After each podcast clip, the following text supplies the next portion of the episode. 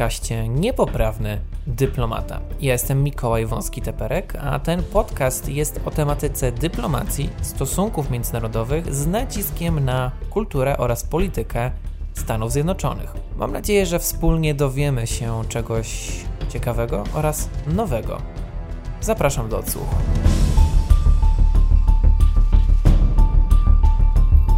Dzień dobry moi drodzy, nazywam się Mikołaj Wąski-Teperek, witam was serdecznie na podcaście i kanale Niepoprawny Dyplomata. Porozmawiamy sobie dalej, oczywiście kontynuując te, e, temat sytuacji w Afganistanie z panią doktor Beatą Górką e, Winter, która jest ekspertką obronności i bezpieczeństwa międzynarodowego. Dzień dobry pani doktor.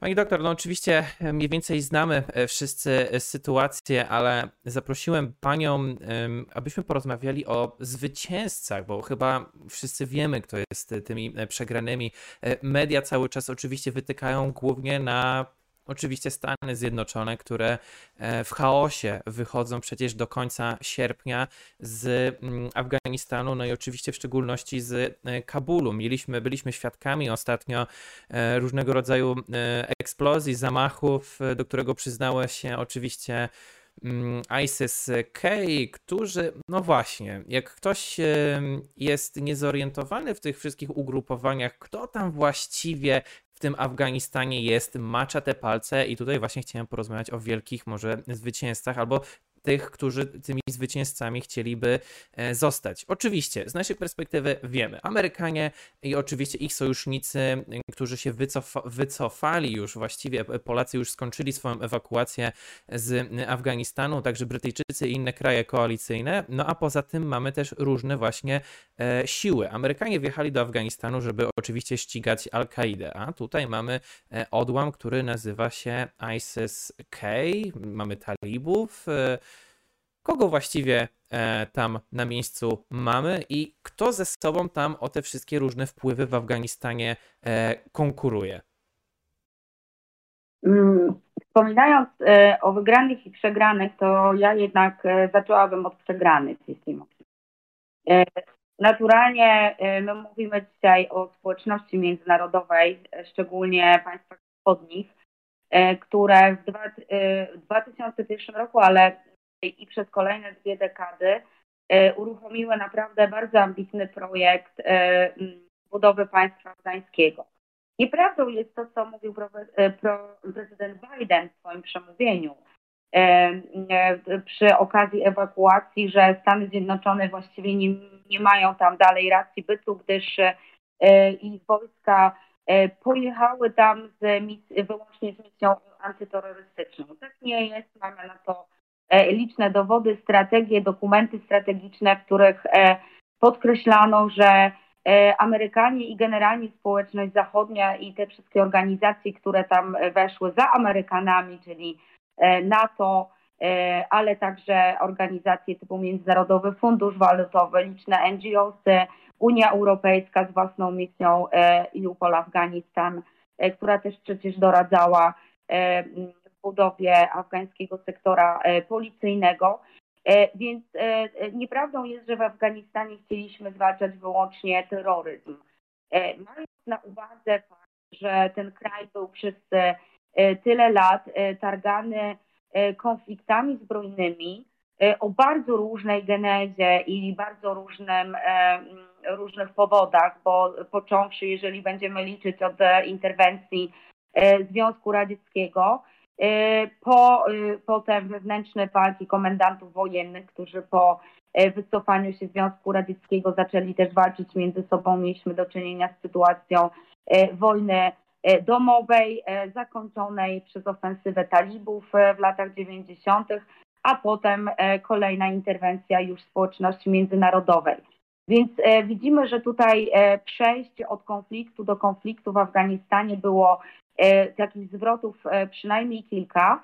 I e, wszystkie one doprowadziły do tego, że zostaliśmy jako społeczność międzynarodowa kraj niezwykle zdewastowany, ludzi ubogich, żyjących poniżej progu ubóstwa, którzy na dodatek, nawet gdybyśmy byli w takim momencie zakończenia walk, Nie można w Afganistanie uruchomić natychmiast, nie wiem, produkcji i postawić tego kraju gospodarczo na nogi, choćby ze względu w latach właśnie 70., 80. na ogromne zniszczenia infrastrukturalne, jakich dokonała armia sowiecka. Za czasów talibów też wiemy, że talibowie też więcej zniszczyli niż odbudowali. I do, do tych zniszczeń właśnie sowieckich dołączyły się jeszcze zniszczenia zabytków światowego dziedzictwa tak, kulturowego. Pamiętamy, co stało się z posągami w Bamian. Oczywiście może nie jest to najważniejsze tak, z punktu widzenia ludzkiego życia, natomiast chciałabym po prostu podkreślić, że każda kolejna siła, która w Afganistanie działała, była siłą niszczącą dla tych ludzi, dla, dla przeciętnego Afgańczyka. Więc społeczność międzynarodowa zdecydowała się na bardzo ambitny projekt, który ogólnie nosił nazwę Projekt Reformy Sektora Bezpieczeństwa, tylko że w Afganistanie on był bardzo szeroko rozbudowany.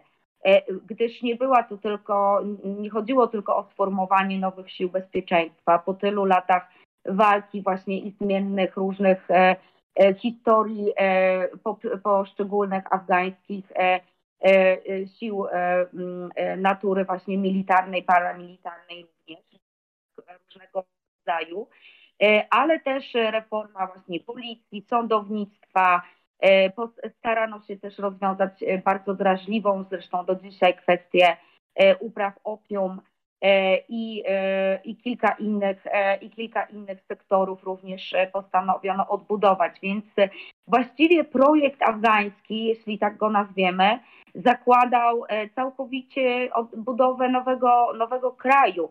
I tutaj nie chodziło tylko o to, żeby wprowadzić tam, e, tak jak się często eksperci pomyśla, e, podkreślają, demokrację na wzór e, zachodni, oczywiście z wszystkimi tymi ograniczeniami kulturowymi, które znamy. Natomiast, żeby zbudować w miarę nowocześnie funkcjonujące państwo, które da przede wszystkim dobry start tym ludziom, którzy naj, najlepszy, tak, tym, którzy urodzili się już po 2001 roku i żeby ci, podsumowując, żeby ci ludzie mogli żyć we, we względnym spokoju i mieli jakiekolwiek perspektywy.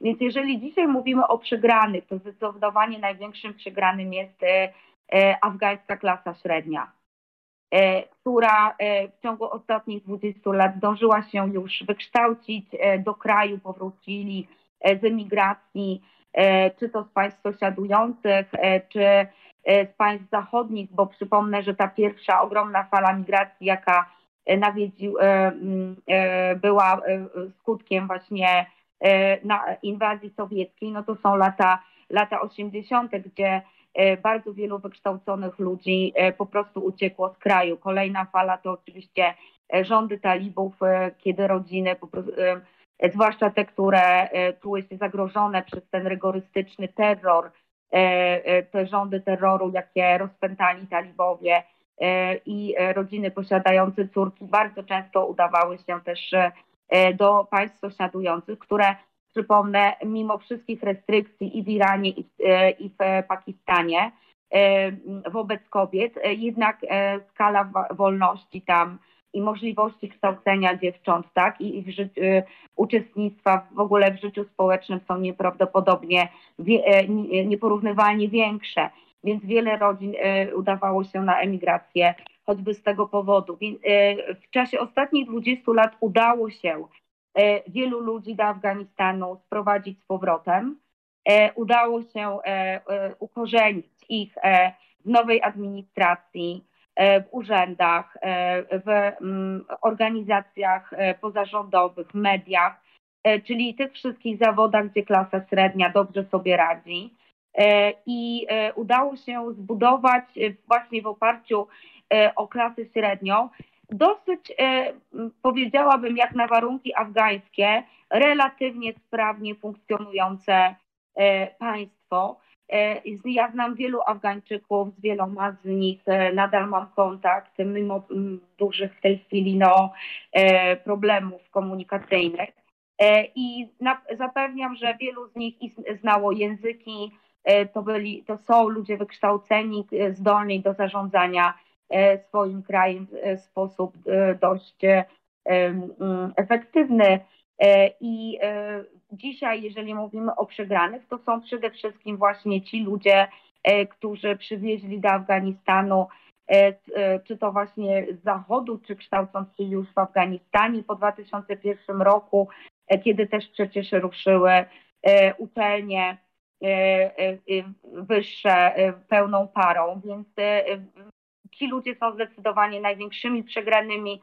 Prawdopodobnie, jeżeli talibowie nie dotrzymają swojej obietnicy zatrzymania tych ludzi w administracji, bo taka obietnica w postaci E, tej abolicji, tak, że talibowie deklarują, że nie będą prześladować e, e, osób, które pracowały dla poprzednich rządów afgańskich. Jeżeli talibom uda się, a wierzę, że tak, tak, tak, tak ze zwykłych powodów pragmatycznych powinno im zależeć na utrzymaniu przynajmniej części tych wykształconych ludzi w kraju, bo dzisiejsza fala uchodźców, z którą się mierzymy, e, czy to e, ludzi, którzy chcą wyjechać do państw zachodnich, ewakuować się wraz z wojskami, ale też uciec do krajów sąsiadujących, tak jak to już w historii Afganistanu bywała, bywało, jak wspomniałam. E, to jest też taki klasyczny brain drain, tak? czyli ucieczka ludzi wykształconych. I możemy sobie zadać pytanie wobec tego, kto w Afganistanie zostanie, żeby E, nadal e, e, to państwo funkcjonowało na poziomie gospodarczym, kulturowym, generalnie cywilizacyjnym. Więc choćby z powodów pragmatycznych talibom opłaca się, mówiąc kolokwialnie, utrzymać tych, tych ludzi w kraju. Natomiast no niewątpliwie są to najwięksi przegrani upadku, tak? E, mm, i ofensywy talibów i przejęcia przez nich władzy. Osobnym rozdziałem są naturalnie kobiety. E, dzisiaj ich przyszłość jest e, wielką niewiadomą. Talibowie co prawda deklarują, że nie powrócą do że sytuacji z lat 90., gdzie mieliśmy do czynienia z bardzo drastycznym łamaniem praw człowieka. Mieliśmy do czynienia z fizycznymi atakami na kobiety E, motywowane oczywiście ideologicznie, religijnie, prawem szariatu. E, I e, talibowie dzisiaj deklarują, że tamte czasy już nie powrócą, wręcz powiedzieli, zadeklarowali, iż będą instruować swoich bojowników pod kątem właśnie zachowania wobec kobiet. Tutaj ja jestem bardzo sceptyczna, nie ufam E, zmianie, e, jeśli chodzi o kwestie takiej świadomości, myślę, że ona wciąż pozostaje podobna. Generalnie status kobiety w Afganistanie nie jest wysoki i nawet w ciągu ostatnich dwóch dekad e, kobiety musiały bardzo mocno, bardzo aktywnie walczyć o swój status, nawet w warunkach nieporównywalnie sprzyjających E, e, ich emancypacji, o ile możemy w ogóle tego słowa użyć w tamtych warunkach. Więc, e, a, przynajmniej uczestnictwu właśnie w edukacji, w życiu zawodowym i generalnie w budowaniu państwa afgańskiego. Tutaj los kobiet zdecydowanie pozostaje niepewny, czy utrzymają swoją pozycję w różnego rodzaju E, aktywności zawodowej w różnych sferach życia gospodarczego, e, to zdecydowanie pokaże czas. Oczywiście gdzieś talibom opłaca się wizerunkowo e, pokazać światu inną twarz i robią to od, od tych kilku tygodni, deklarując, że o tych obostrzeń nie będzie, aczkolwiek mamy już przecież doniesienia z wielu regionów, że E, pojawia się terror podobny temu, e, którego byliśmy świadkiem w latach, e, w latach 90. Zatem mm, także z powodów pragmatycznych talibom nie opłaca się prześladować kobiet. Wiele z nich wykonuje pożyteczne zawody, wiele z, takie jak w medycynie, mm, są pielęgniarkami, lekarzami. Wiele z nich również straciło E, czy to mężów, czy to ojców, braci w ciągu tylu dekad działań wojennych, więc wiele kobiet zwyczajnie zostało samych ze swoimi dziećmi, z utrzymaniem swoich gospodarstw domowych, także brak możliwości zarobkowania przez nie wiąże się, wiązałby się zwyczajnie ze, ze śmiercią głodową dla rodziny, więc tutaj taka pragmatyka już ekonomiczna powinna też e, e, dawać nadzieję na to, że, ten, e, że przynajmniej właśnie w zakresie pozwolenia się utrzyma, na utrzymanie tych kobiet, tak, przy, przy życiu i przy zdrowiu, że nie będziemy mieli takich sytuacji, jak mieliśmy w latach 90., aczkolwiek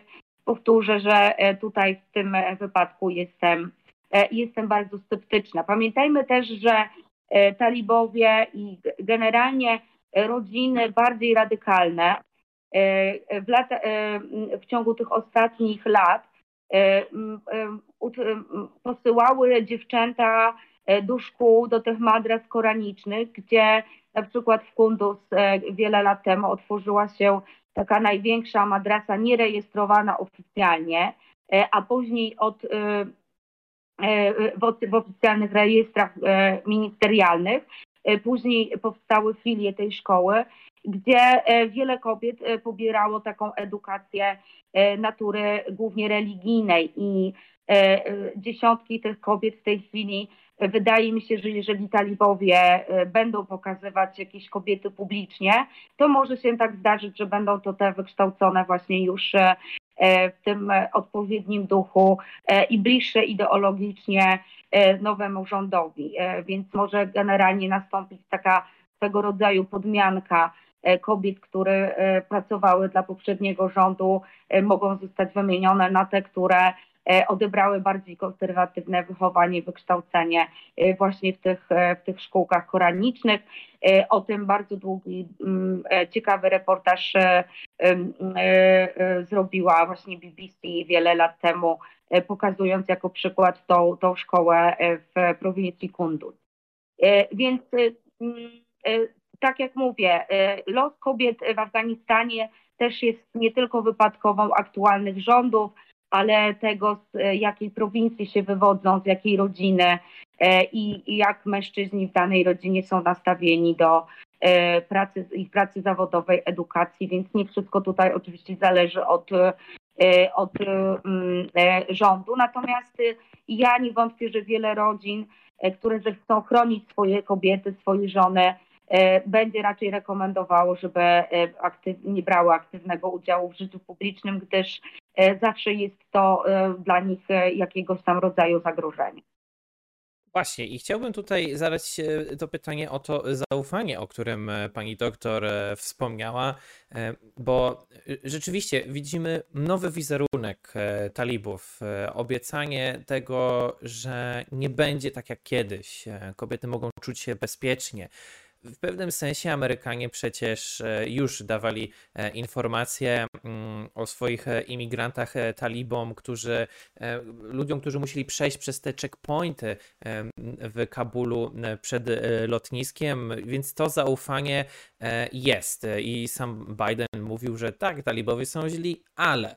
I tutaj jest to właśnie ograniczone zaufanie, ale jednak zaufanie takie, że musimy ze sobą współpracować e, i ta współpraca no, na razie jakoś wygląda. E, talibowie poprosili Amerykanów, aby zostawili swoich dyplomatów e, w Afganistanie, na co oczywiście Amerykanie raczej odmówili słowami Jake'a Sullivana, doradcy prezydenta Bidena. I tutaj widzieliśmy osoby, które zostały uwalniane z więzień, poza najbliższymi przecież współtowarzyszami Osamy Bin Ladena, słynnego Osamy Bin Ladena, którego tak tropili długo Amerykanie, no to jak widzimy takie osoby, no to sobie myślimy, no to coś, co miało się zmienić przez te naście czy ileś lat, y, gdy w tym więzieniach, czy gdzieś tam na odludziu w innych krajach na emigracji, niektórzy przecież w chyba Korei Północnej nawet były plotki przebywali przez te lata na uchodźstwie w pewnym sensie. No i te osoby nagle wracają. Najwięksi wrogowie Stanów Zjednoczonych wracają i deklarują się jako właśnie ci, którzy no, nie będą już szkodzić. Czy my jako świat zachodu i Amerykanie rzeczywiście powinniśmy ufać temu? No i oczywiście w szczególności kobiety, o których zresztą pani doktor e, powiedziała. A jeśli nie my, to może ktoś inny może im zaufać. Czy inne mocarstwa czy siły w regionie mogą im ufać? Pójdę dalej. Nawet ym, lokalne y, komórki ISIS, gdzie były teorie, że nawet talibowie mieli przymknąć oko na zamachy, które przecież w Kabulu się odbyły przeciwko y, Amerykanom i ludności cywilnej. Tak, tutaj zdecydowanie wśród ekspertów są dwie szkoły, jeśli chodzi o to, czy y, o tą kwestię właśnie bycia śmiertelnym wrogiem, że ISIS jest śmiertelnym wrogiem e, talibów, e, i wobec tego nie ma mowy o tym, o tym, żeby talibowie przymykali na cokolwiek oko. E, druga e, grupa badaczy pokazuje, że e, te korzenie są jednak wspólne i oczywiście w Afganistanie i ta bardziej radykalna grupa, która później sformowała ten Islamic State of Khorasan, że jednak korzenie są wspólne, wskazywanie. Jakbyśmy są... mogli od razu widzom e, przytoczyć, e, czym jest ten e, ISIS-K, bo on był błędnie zresztą interpretowany przez dziennikarzy amerykańskich Korosan. Stara nazwa, mm, która mówi o regionie przygranicznym Afganistanu i Pakistanu, jeżeli dobrze to tak, tak. E, to, to jest oczywiście taka tradycyjna, e, tra, tradycyjna nazwa. To jest, e, e, e, dzisiaj powiedzielibyśmy, że to jest e, komórka afiliowana ISIS, tego głównego, tak? Mhm. Lokalna komórka. Tak, tak. ISIS-K to jest rok 2015 i generalnie właśnie to, o czym mówię, czyli o tych wspólnych korzeniach, tutaj e, mamy ten rozłam, tak, pomiędzy e, talibami, pomiędzy tymi ugrupowaniami w ramach ruchu talibów, które, mm, które, który uważał, że talibowie, ci, którzy dzisiaj doszli do władzy, to są ci, którzy są zbyt liberalni i którzy generalnie chcą E, e, ICC uważa talibów, e, tych, których mamy dzisiaj u władzy w Afganistanie, za afgańskich nacjonalistów, tak? czyli tych, którzy chcą skupić się tylko i wyłącznie na budowaniu i na utrzymaniu rządu w państwie afgańskim. Natomiast ISIS jest organizacją, mieni się organizacją o charakterze globalnym, której celem jest ustawie, ustanowienie globalnego kalifatu E, i oczywiście eksport e, tego typu ideologii e, wszędzie tam, gdzie się da, czyli generalnie w całym pasie i Magrebu, i, blis, i w państwach Bliskiego Wschodu, i oczywiście aż po Afganistan, Pakistan. Więc tutaj, tutaj i tutaj są dwie szkoły zdecydowanie wśród badaczy. Jedna wskazuje na to, że przynajmniej w Afganistanie, bo ja nie mówię o tym ISIS głównym, tak, E, e, tylko mówię o tym lokalnym e, odłamie, że część badaczy uważa, że nie jest możliwe, ponieważ te, ten ruch powstał właśnie z tego rozłamu, że nie jest możliwe, żeby w jakiś sposób istniały pomiędzy nimi kontakty czy jakakolwiek koordynacja różnego rodzaju działań. Druga grupa mówi, że w tym ja należę do tej grupy, która jednak nie wyklucza tego, bo pamiętajmy właśnie, że E, Islamic State of Khorasan to jest jednak e, odłam globalnego ISIS, tak? I o ile jakby relacje z globalnym e, ISIS, talibów wcale nie muszą być właśnie nic nie wskazuje na współpracę. O tyle, jeśli chodzi o te lokalne odłamy, to pamiętajmy generalnie, że w Afganistanie ta przynależność do różnego rodzaju organizacji o charakterze E, bojowym, tak to nazwijmy, tak, bo nie wojskowym, ale bojowym, jest bardzo płynna i zawsze była bardzo płynna. To wynika oczywiście ze struktury e, klanowej, ale to też wynika z, e, z, zwykle z ubóstwa. Już od, tak jak powiedziałam, od tylu lat mamy tam do czynienia z działaniami wojennymi, które blokują normalną aktywność ekonomiczną młodych osób, że młode osoby muszą w jakiś sposób zapewniać sobie taki codzienny byt sobie i swoim rodzinom. Przeciętnego afgańskiego młodego mężczyzny nie jest stać nawet na to, żeby e, pojął za żonę e, e, Afgankę, ponieważ tam trzeba zapłacić naprawdę bardzo duży, rodzina pana młodego musi naprawdę zapłacić ogromny posag rodzinie panny młodej, żeby do tego ślubu w ogóle doszło. Dlatego młodzi, młodzi ludzie, którzy później stają się bojownikami, szukają opcji, tak? na życie i teraz e, e, mogą w zależności od tego, e, co przyniesie im na dany moment i największy zarobek, i najlepsze perspektywy pójścia dalej w życie, oni będą dzisiaj żołnierzami afgańskiej armii, jutro zaciągną się do talibów, jeszcze po jakimś czasie zaciągną się do bojówek, do tych paramilitarnych wszystkich organizacji prowadzonych przez E, komendantów wojennych, a jeszcze na koniec, jeśli e, akurat e, dojdzie do jakiejś poważniejszej radykalizacji, zasilą bojówki ISIS. Myślę, że to jest dobry moment, żeby zadać Pani pytanie, bo skoro powiedziała Pani o pieniądzach, to w takim razie chcielibyśmy się może dowiedzieć właśnie w takim razie, jak te komórki są właściwie fundowane. To znaczy, ok, mamy ludzi, którzy oczywiście chcą zarobić, mają jakąś tam ideę, bardziej radykalną, może mniej, e, chcą zarobić, więc w jaki sposób oni zarabiają, a raczej te ugrupowania, sami talibowie, skąd oni mają pieniądze? Bo mówi się oczywiście o tym, że do teraz już w ogóle Amerykanie zostawili im masę sprzętu, doliczyć się nie można dokładnie e, ile, e, ale może wiemy, jak, te, jak ci talibowie byli fundowani, skąd brali pieniądze, na czym polegała ich działalność, czy ktoś ich wspierał, czy sami w jakiś przemrane inne. Mhm. E, oczywiście, e, e, oczywiście tutaj, jeśli chodzi o ICIS globalną, to tutaj finansowanie pochodzi od tych wszystkich zamożniejszych rodzin i organizacji, które wspierają ideologię, ideę powstania globalnego kalifatu i tutaj te przepływy finansowe są o tyle trudne do zweryfikowania i to też jest e, główna przyczyna, e, dlaczego tak trudno jest walczyć z terroryzmem i zwalczać e, finansowanie tych, tychże organizacji, gdyż w świecie islamu bankowość wygląda trochę inaczej niż w świecie zachodnim. To nie są przelewy, oni nie, nie używają tradycyjnych metod jakby obrotu gotówką, tylko e, pieniądze są po prostu dostarczane, nawet gdyby miały być to małe kwoty, ale ma, kilka tak małych robi większą, e, one są dostarczane osobiście przez osoby specjalnie do tego wyznaczone. Także tą gotówkę. I samoloty, walizki?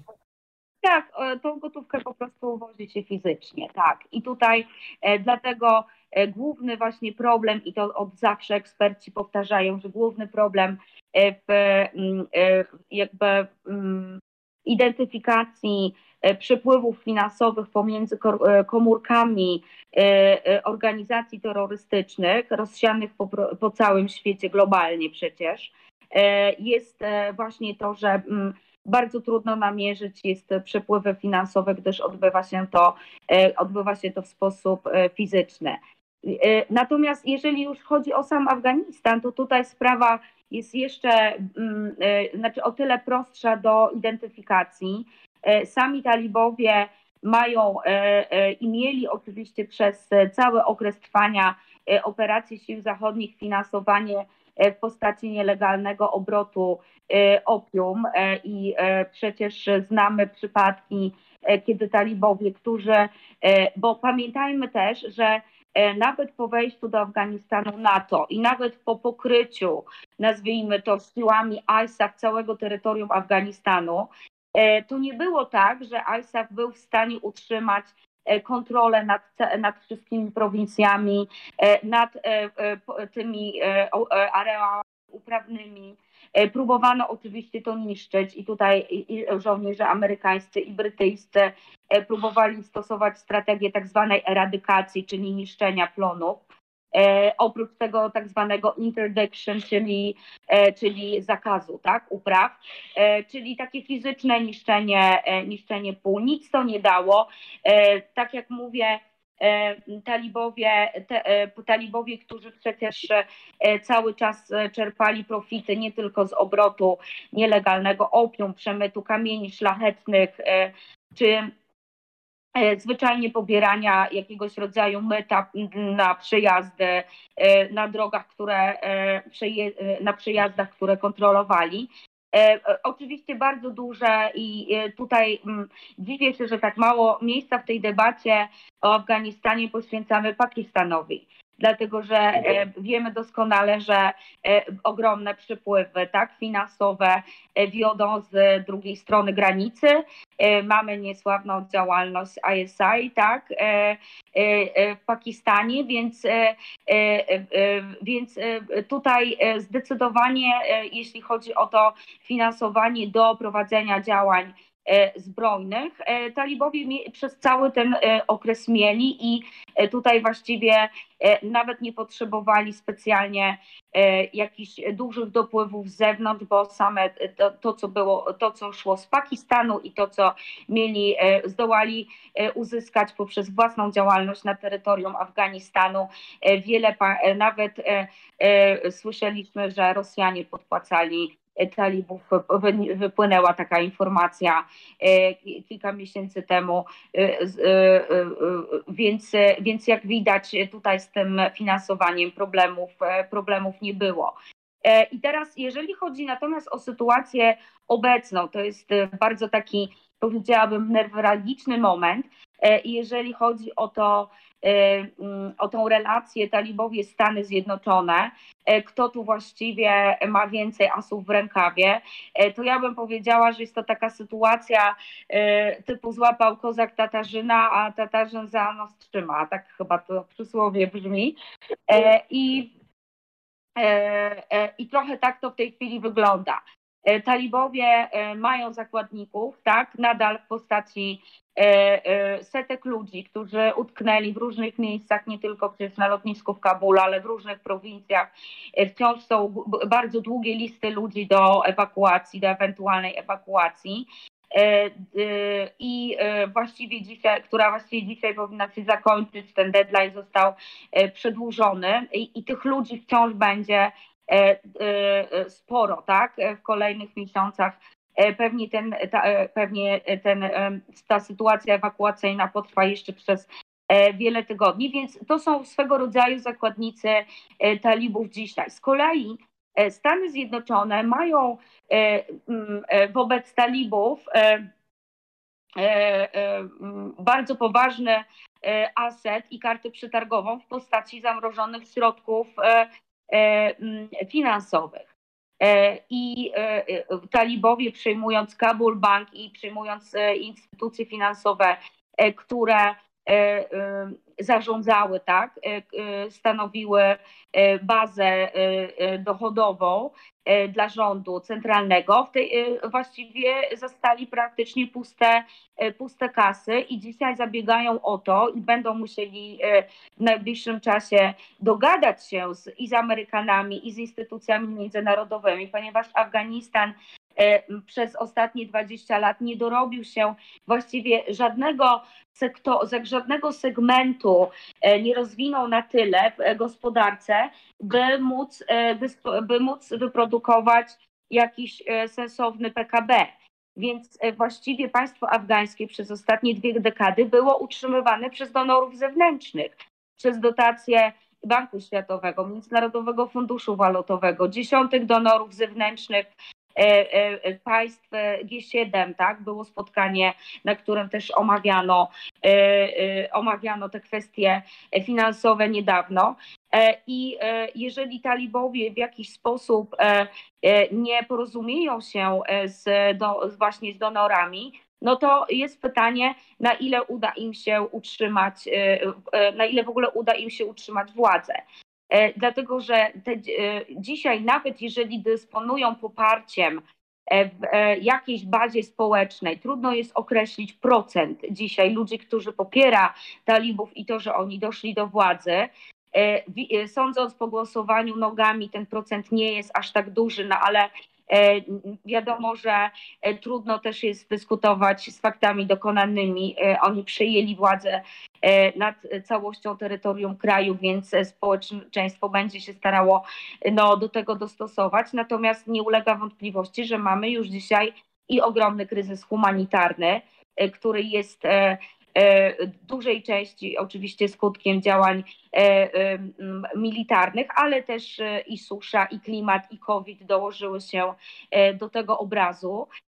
Ale mamy też bardzo mocne stanowisko, jasne stanowisko instytucji międzynarodowych, które mówią otwarcie, że do, jeżeli talibowie nie będą się stosować do pewnego rodzaju reguł, które zostały wyznaczone, czyli poszanowanie praw człowieka, poszanowanie praw kobiet, inkluzywność rządów, e, e, czy nieprześladowanie e, mniejszości, tak, włączenie mniejszości do, do rządu i różnych ugrupowań politycznych, no to mogą generalnie zapomnieć o tym, o wsparciu międzynarodowym, gdyż nikt nie chce na siebie wziąć wizerunkowo.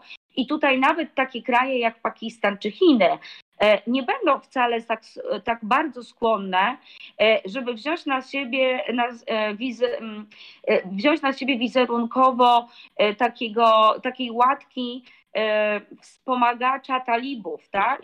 W momencie, kiedy oni nie będą wykazywali dobrej woli w kierunku w kierunku rządów, które nazwalibyśmy rządami nie wiem, prawa to może za dużo powiedziane, ale e, nie, e, nie prześladowania e, osób, tak, które, które mają powody czuć się zagrożone w tej chwili po, po tej zmianie władzy.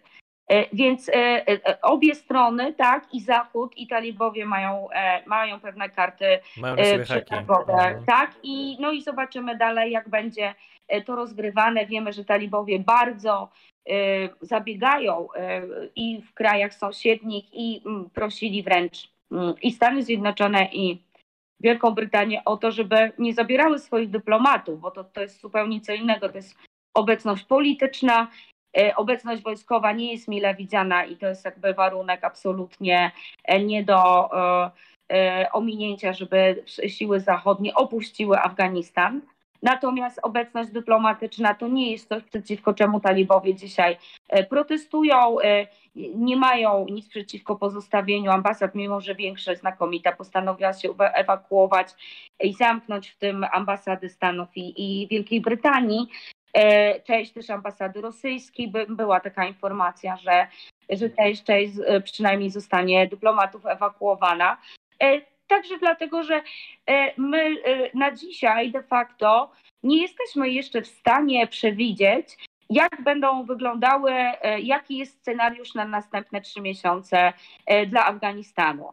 Może się zdarzyć, że talibowie po dokonaniu ewakuacji sił zachodnich i po, po ewakuacji wszystkich tych osób, które zechcą się po prostu z własnej woli ewakuować, E, e, niewykluczone, że w jakiś sposób jakby prowincja po prowincji, już w tej chwili mamy doniesienia z wszystkich prowincji, że jest wymiana władz, tak, że powołują e, swoich namiestników no wszędzie, gdzie przedstawicieli tak, politycznych, wszędzie, gdzie, gdzie objęli władzę i wprowadzają jakby swoje, swoje porządki. Natomiast, e, natomiast ja nie wykluczam, że jeżeli tego kryzysu ekonomicznego z, o chwili obecnej, z którym, z którym się mierzymy w Afganistanie, nie da się jednak przezwyciężyć, e, to talibowie, to baza tego poparcia dla talibów, e, która ośmielam się twierdzić, że nie jest jednak duża, tak?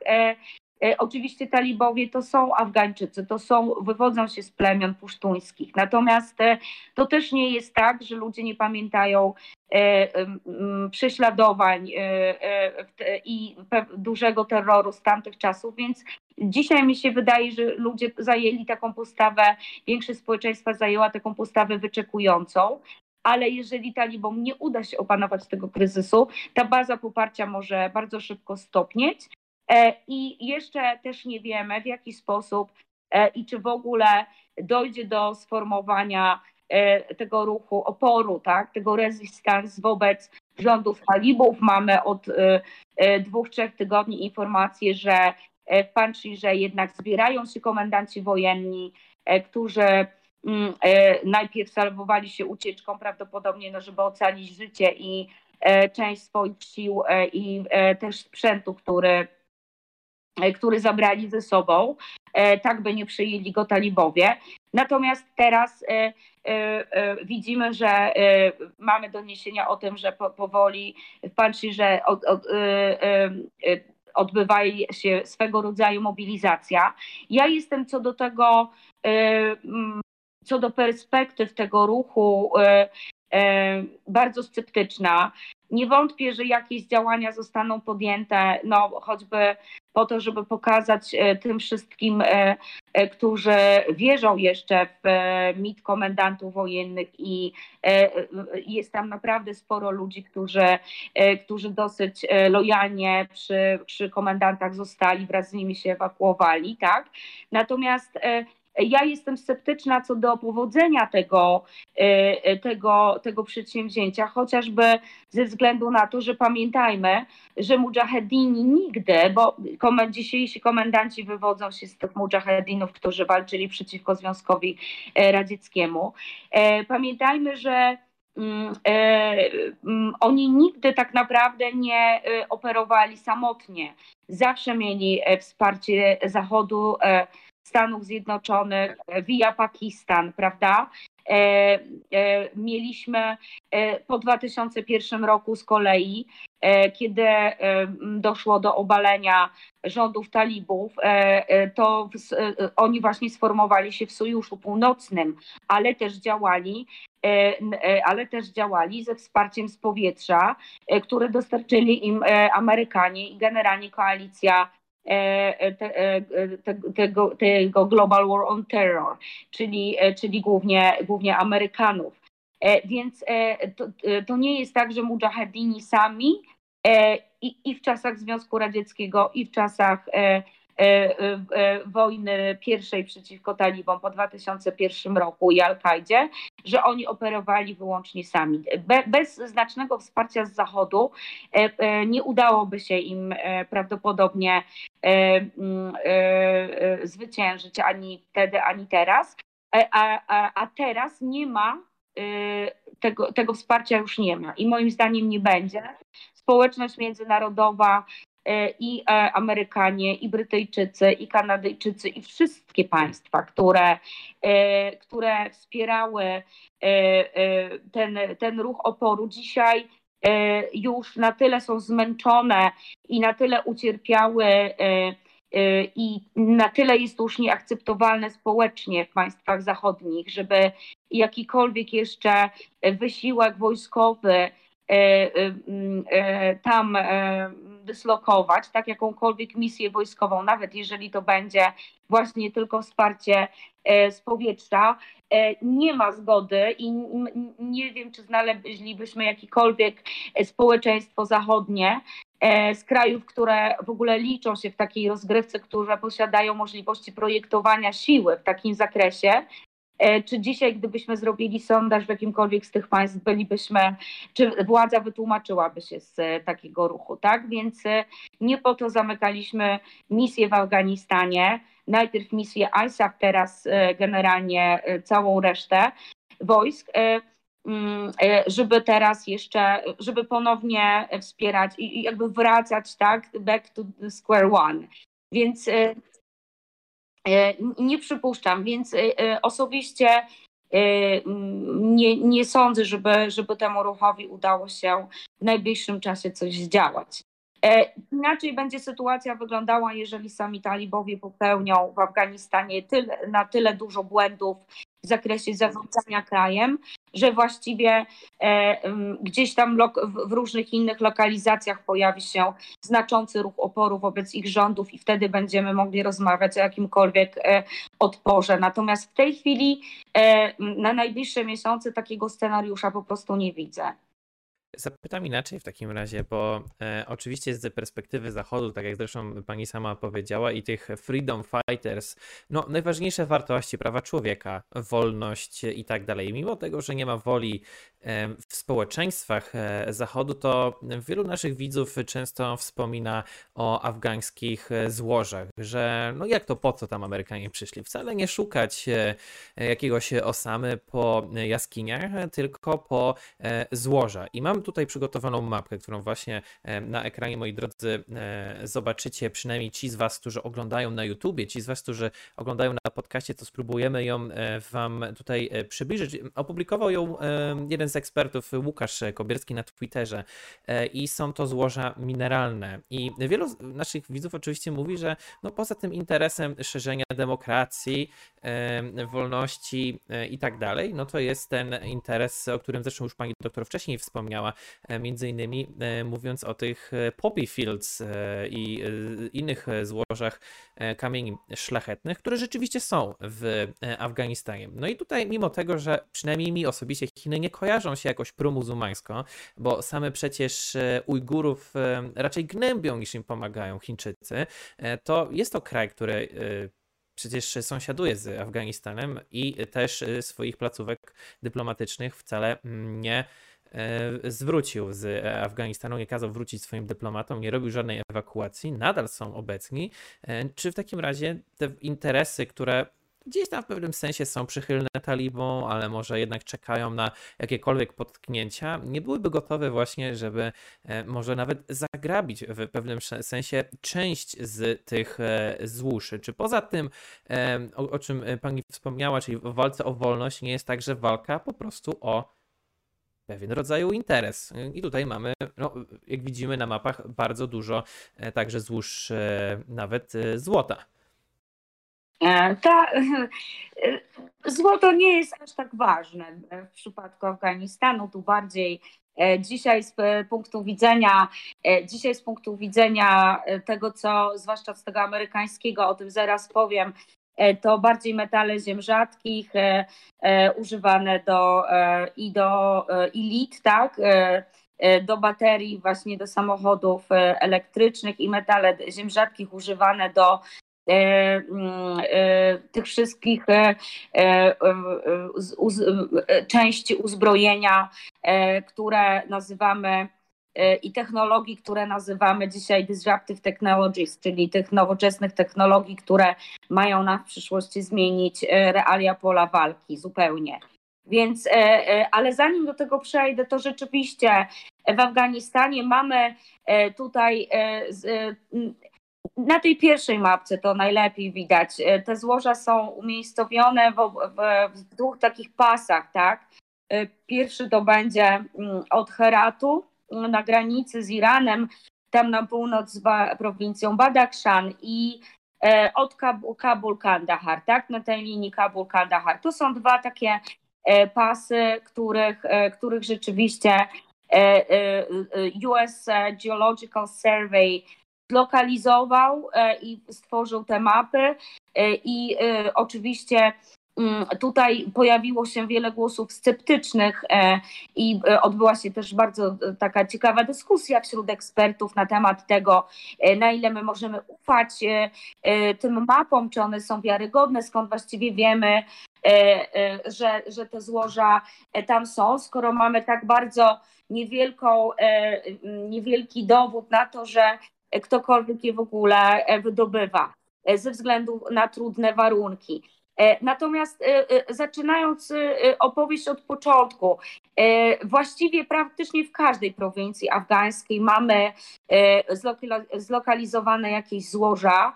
Już w czasach inwazji Związku Radzieckiego Była też taka, pojawiała się taka teoria i są mm, opracowania na ten temat, że Związek Radziecki również miał zakusy na te złoża i iż naukowcy radzieccy również zrobili swoje mapy, swoje mapy położenia, rozłożenia surowców w Afganistanie.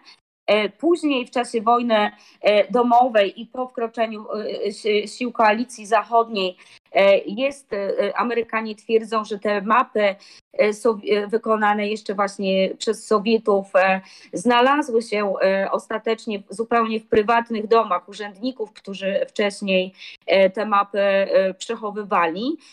I stąd oczywiście różnego rodzaju E, trochę mamy danych, a trochę mamy legend, prawda, jeśli chodzi, e, jeśli chodzi o, o kwestie tych złóż. Natomiast. No to chyba najbardziej e... legendarne to są chyba te pola uprawne. Przynajmniej te, o e, których mówią nasi widzowie, tak naj, najczęściej właśnie, nie? Pola uprawne czego? E, no rozumiem, że maków. Nie, nie, te są jak najbardziej realne. E, te są jak o cały, cały przemysł szemrany tak. właśnie, właśnie o tym, słynne, słynne, słynne, jak mm. mówi się o Afganistanie, to chyba y, naj, naj, najczęściej słyszę właśnie o tych złożach, e, jak, jak czytam komentarze. Tak, e, tutaj, to rzeczywiście, znaczy oczywiście my możemy podchodzić do tego w sposób no, taki mm, jakby anegdotyczny, ale, ale chciałam, chciałam podkreślić, że naprawdę y, y, dla mm, milionów Afgańczyków jest to jedyne źródło utrzymania. I teraz każdy, kto y, kiedykolwiek był w Afganistanie, widział w jaki sposób, znaczy jak ten kraj w ogóle wygląda, tak? jakie są możliwości życia poza tym biznesem, no to wie, że e, w wielu przypadkach nie jest to możliwe. Nawet sami e, talibowie i różne bojówki właśnie lokalnych wataszków, nawet jeżeli dana rodzina nie chciała uprawiać opium, to bardzo często to na niej wymuszano, właśnie ze względu na to, że uprawy te nie potrzebują jakichś dobrych warunków meteorologicznych E, i atmosferycznych, więc e, w odróżnieniu od innych upraw. I teraz, e, jeżeli rodzina ma ryzykować głód z powodu tego, że nie będzie miała innych plonów, to oczywiście postawi na opium. I tak jak mówię, młodzi mężczyźni, których nie stać na ożenek, również na to postawią, tak, żeby, żeby jednak móc być w stanie założyć rodzinę. E, talibowie i inni komendanci wymuszali e, na niektórych rolnikach właśnie te uprawy, a jeśli odmawiali, byli zdolni nawet do porywania ich córek i to się zdarzało.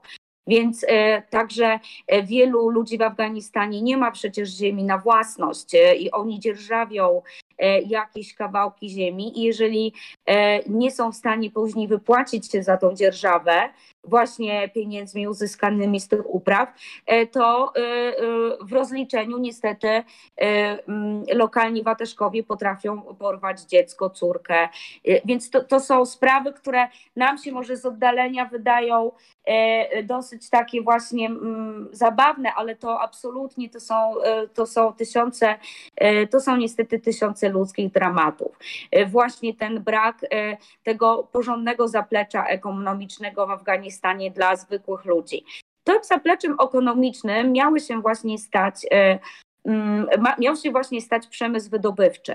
E, w administracji afgańskiej powołano specjalny, specjalne ministerstwo tak, do spraw górnictwa, ten Mine e, Department był E, e, były e, plany, narodowe strategie, których ślad jeszcze dziś, do dzisiaj możemy znaleźć na różnego rodzaju nagraniach, w jaki sposób Afgańczycy wyobrażają sobie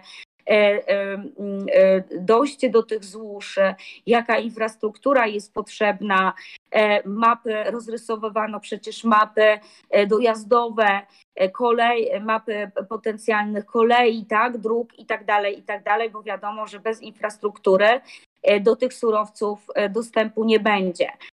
I oczywiście tutaj takim największym odważnym okazały się jak zwykle Chiny już w 2017 roku albo wcześniej, w siódmym, przepraszam, w 2007 Chiny już wystąpiły o koncesję na wydobycie miedzi waniaku.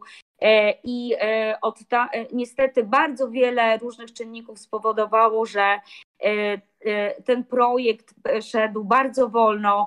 Później Chińczycy wygrali jeszcze koncesję na wydobycie e, żelaza, ale tą e, akurat im, e, ale to akurat im cofnięto, gdyż no niestety tutaj kolejna bolączka państwa afgańskiego to ogromna korupcja, E, e, i właśnie wydawanie tej koncesji na wydobycie miedzi e, też wiązało się z ogromnym skandalem korupcyjnym i łapówką daną po prostu jednej z osób, która decydowała, czyli brak tej przejrzystości spowodował, że tutaj no nie obyło się już na początku bez, bez ogromnego skandalu. I teraz i teraz przemysł wydobywczy, tak jak powiedziałam, miał stać się E, takim, no, nazywano nawet Afganistan Arabią Saudyjską, Litu, tak? Jakieś takie porównania mieliśmy, e, mieliśmy mm, e, w obiegu. Natomiast do tej pory, niestety, poza tym, co wydobywa się w drugim obiegu, i wiele na przykład kamieni szlachetnych wydobywa się drogą taką no, chałupniczą, ja bym to nazwała, czyli E, po prostu poszczególne osoby z kilofami e, e, w skałach drążą na zamówienie głównie no, jakichś prywatnych przemytników, którzy po prostu z tego żyją, z tego finansują swoje rodziny, potem też swoje bojówki. No to właściwie na skalę państwową nie mamy tutaj do tej pory rozwiniętego jakiegoś znaczącego przemysłu w wydobywaniu tych zasobów mineralnych, a to właśnie przez to, że i tutaj mamy, możemy szereg powodów wymienić. Pierwsza to oczywiście sytuacja bezpieczeństwa. Ostatnie 20 lat E, mimo obecności ISAF, która starała się e, we wszystkich prowincjach e, zapewnić spokój, jednak cały czas trwające z różną intensywnością działania zbrojne nie sprzyjają projektom infrastrukturalnym.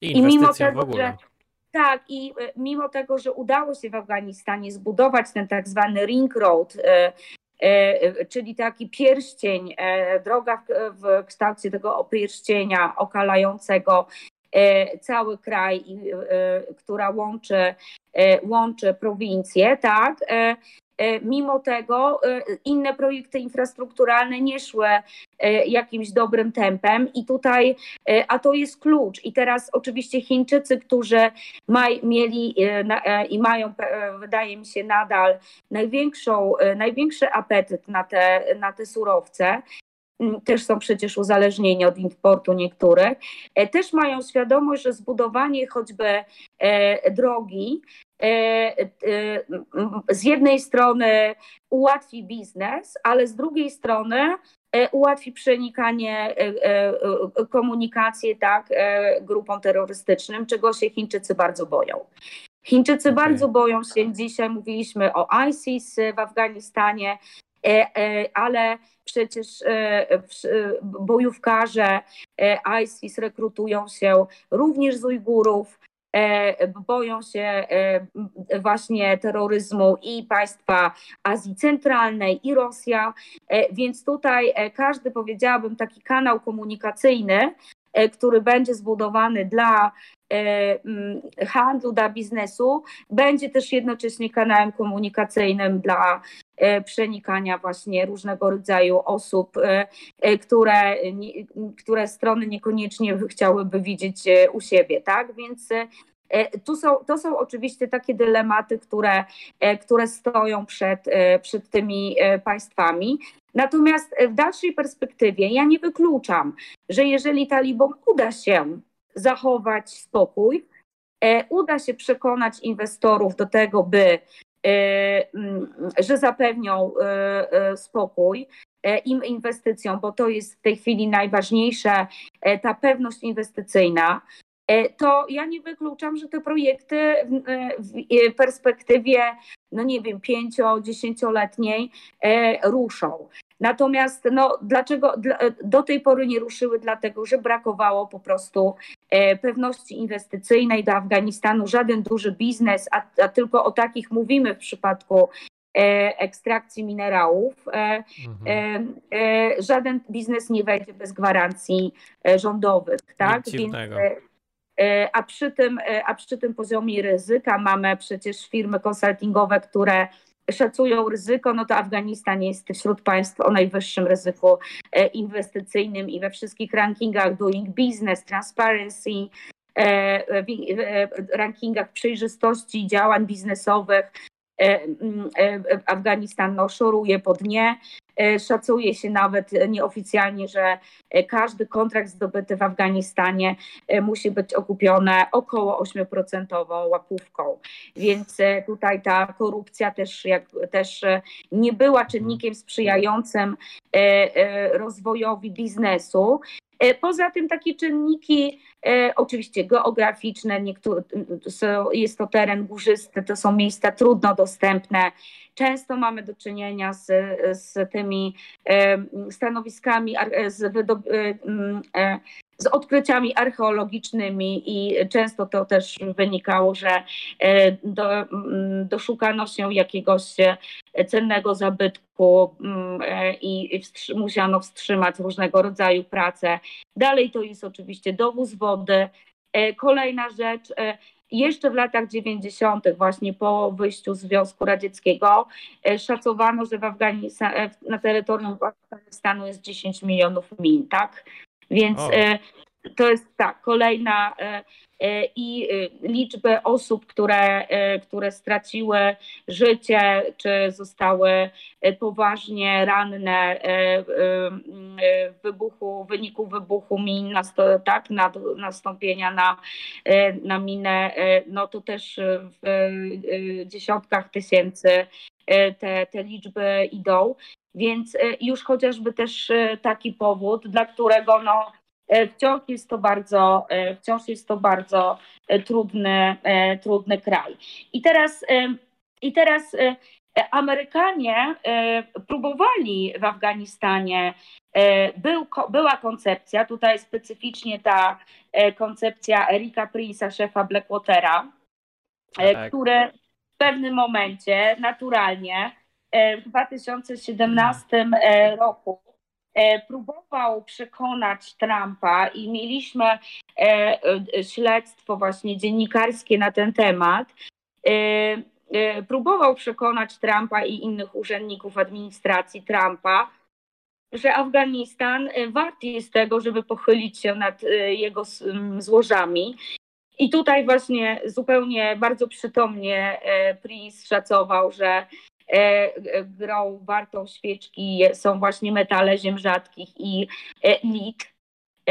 I próbował, Prince w ogóle wtedy przedstawił taki bardzo duży projekt nazwany prywatyzacją wojny w Afganistanie. Generalnie uznał, że Afganistan, ten cały wysiłek wojskowy w Afganistanie powinien właściwie zostać sprywatyzowany i powinny go przejąć e, e, prywatne firmy e, wojskowe, tak, tak zwane te PMC.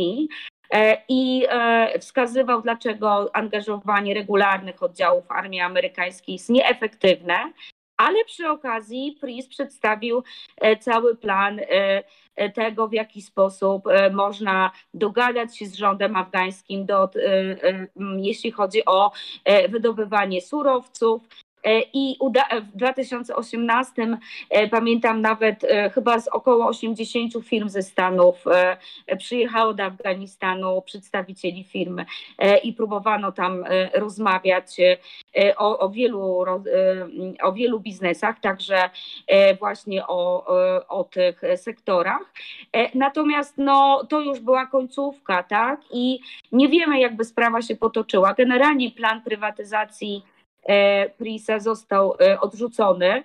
E, natomiast no nie wiemy, czy różnego rodzaju jego spółki, córki, bo on, mm, Prince ma pozakładane różne firmy poboczne, firmy transportowe, więc wiemy, że próbował dotrzeć do, i do Ganiego, i do Abdullaha Abdullaha, i do Mohammada Altynora, więc próbował, e, wystąpił nawet w Tolo e, e, te afgańskim, afgańskiej telewizji, właśnie tłumacząc, dlaczego jego pomysły na rozwiązanie konfliktu afgańskiego i obecność sił są, są dał taki bardzo długi rzeczowy wywiad w, w czyli próbował po prostu robić sobie dobry PR i, mhm. i wejść ale jak mówię, e, przeważyła jednak, przeważyło jednak przekonanie, że ryzyko e, jest zbyt duże, pewność Afganistanu mm, e, nieciekawa, przyszłości Afganistanu nieciekawa i, i po prostu tutaj na ten moment Amerykanie. Zresztą ja miałam takie spotkanie analityków z z różnymi właśnie przedstawicielami e, dyplomacji państw zachodnich w roku chyba 2000, nie wiem, 11, 12, kiedy e, Wtedy już powiedziałam na spotkaniu, że o ile Zachód przelewa krew, sąsiedzi zarabiają w Afganistanie pieniądze. Tak? Mniej więcej tak to wygląda, tak niestety wyglądał ten podział E, zadań i e, on niestety tak wyglądał do końca. Powiedziała tak, że A pani... jedyni, o... jedyni ludzie, którzy tak. zarobili tutaj, no to są oczywiście wszelkiego rodzaju nielegalni przemytnicy powiązani mhm. ze służbami, e, ludzie, z którzy E, znaleźli dojścia do lokalnych komendantów wojskowych, którzy kontrolowali dany region e, i dane złoża. E, I tutaj już zupełnie to pozostaje w cieniu, jak wszelkiego rodzaju działalność przemytnicza. Wiemy o tym, że istnieje, umiemy ustalić nawet szlaki tego, Natomiast no, to, to nie jest coś, co nawet e, te słynne lapis lazuli e, e, w pewnym momencie był na tyle, na taką skalę przemycany, że rząd afgański zmuszony był zamknąć miejsce wydobycia i dopiero po jakimś czasie otworzono taki specjalny korytarz tranzytowy aż do Turcji i później właśnie do mhm. państw zachodnich. E, ale to już taki oficjalny korytarz właśnie eksportowy, e, taki właśnie droga lapis lazuli. E, jest to bardzo taki znany kamień, symbol właśnie z Afganistanu. Więc no tutaj, tutaj zdecydowanie państwa zachodnie, jeśli chodzi o ekstrakcję minerałów, nie, nie, no tutaj nie ugrały nic, ale też przypomnę, że nie szły do Afganistanu z takim założeniem. Jasne, na pewno. z założeniem biznesowym. To główny Pani doktor, e, wspomniała Pani jeszcze o mm, oczywiście tym e, ryzyku. Ja chciałem zapytać o to ryzyko w trochę innym e, kontekście, już na samo, samo zakończenie. Według ABC News 67% Amerykanów obawia się, że w USA może dojść do dużego zamachu terrorystycznego. Oczywiście powiedziała Pani także, że nawet Chińczycy i Rosjanie tym, tego się obawiają. Ostatnie, króciutkie e, kilka minut e, chciałem e, dopytać, czy rzeczywiście mamy się czego obawiać, czy Afganistan będzie tym hubem terrorystycznym, no tym bardziej, że za mniej niż dwa tygodnie będziemy mieli okrągłą 20. rocznicę zamachów na dwie wieże World Trade Center w Nowym Jorku. Czy ja nie mam żadnej wątpliwości, że będzie. To je, pytanie jest o skalę e, na pewno e, talibowie, którzy dzisiaj e, mm, zabiegają o uznanie międzynarodowe, oczywiście będą pokazywać społeczności międzynarodowej, że sytuacja, w której oni udzielają gościny terrorystom, że to jest przeszłość, bo pamiętają oczywiście w jaki sposób i z jakiego powodu stracili władzę w 2001 roku. E, przypomnę, że była to negatywna odpowiedź na ultimatum postawione przez e, George'a Busha e, co do wydania Osamy Bin Ladena. Więc naturalnie możemy się spodziewać, że dzisiaj talibowie, którzy zdecydowanie chcą utrzymać się u władzy, tego błędu nie popełnią.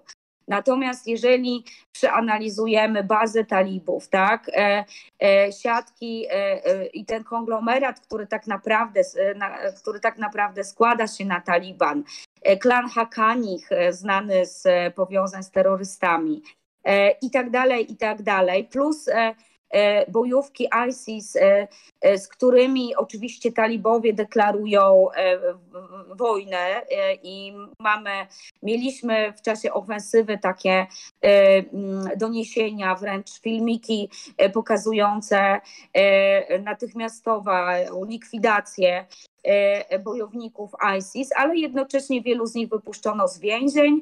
E, I e, pamiętajmy też e, o tym, co zawsze stanowiło mm, o względnej swobodzie manewru wszelkiego rodzaju grup wojskowych, tak, takich właśnie bojówek w Afganistanie. To jest nieszczelna, ponad 2,5 tysięczna kilometrowa granica z Pakistanem, której w żaden sposób mimo ogromnego wysiłku społeczności międzynarodowej, e, która też próbowała przecież jakieś rozwiązania tam e, wdrażać i kontrolować tą granicę, ta granica jest nie do skontrolowania, albowiem dzieli plemiona, te same plemiona, które zamieszkują po jednej i drugiej stronie granicy. I teraz, jeżeli weźmiemy pod uwagę sam region Fata, który, mm, który oczywiście dzieli się na różne części i teraz to jest, to jest bardzo też skomplikowana układanka plemienna. Mhm. W każdym z tych e, regionów mamy różne plemiona. Jedne bardziej sympatyzują z talibami, drugie e, się odżegnują, więc e, jest to niezwykle jakby skomplikowana mozaika różnego rodzaju powiązań i interesów. Natomiast to, co łączy te plemiona, to niestety kodeks Pasztunwali, czyli e, otwartości na obcych. E, I e, w momencie, kiedy właśnie obcy, tak, czyli Arabowie, bojówkarze pochodzenia arabskiego, czy właśnie i Ujgurzy, i rekrutujący się z republik E, e, środkowej Azji, e, przy, jakby przyjeżdżają w tamte strony, większość tych klanów udziela im schronienia, tak? Więc Zgod według tego kodeksu nie wyrzuca się, według tego kodeksu nie wyrzuca się właśnie gości, a ci, te ugrupowania no, przyjeżdżają tam jako swego rodzaju E, goście. I teraz e, jedyne co, e, więc same plemiona właśnie pusztuńskie nie są siłą, która będzie w stanie po tej pakistańskiej stronie nigdy nie były siłą, które w jakiś sposób pozbywałyby się tego elementu obcego, bo to jest jednak element obcy napływowy. Jedynie kto, znaczy jedynym tam E, takim bardzo ważnym, e, o czym też jakby w naszych mediach mało się mówi, ale bo skupiliśmy swoją e, uwagę na Afganistanie, bo tam były dyslokowane nasze wojska. Natomiast ta sama wojna, tak, z, te, z terroryzmem i z siatką Al-Kaidy, potem z ISIS, trwała po pakistańskiej gronie, stronie granicy Fata. Uczestniczyła w niej, uczestniczyły w niej oddziały armii pakistańskiej, Także po tamtej stronie granicy e, mieliśmy bardzo silną ofensywę dronów. E, e, to jest to, co za administracji Obamy.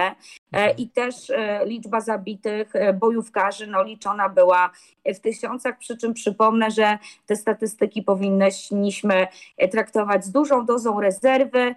Nie wiadomo, ile mm, przypadkowych ofiar też trochę załapało się tak, na, te, tak. na te statystyki, więc tutaj należy do tego podchodzić z dużą rezerwą. Natomiast dzisiaj E, jeżeli armia pakistańska nie, e, mm, nie będzie monitorować, e, a tam fata nasz, mm, znaczy odbyły się, dokonano takich bardzo znaczących zmian administracyjnych.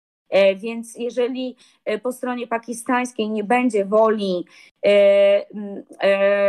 prowadzenia właśnie monitoringu i ofensywy przeciwko odradzającym się, bo odradza się też organizacja Tereki Taliban, czyli tych pakistańskich talibów. Więc jeżeli nie będzie woli po stronie Pakistanu, żeby kontrolować tamte terytorium, to nawet jeżeli w Afganistanie nie będziemy mieli tego safe haven, to będziemy mieli je po tamtej stronie granicy. Arcyciekawe. Pięknie mhm. dziękuję pani doktor za ten e, wykład właściwie.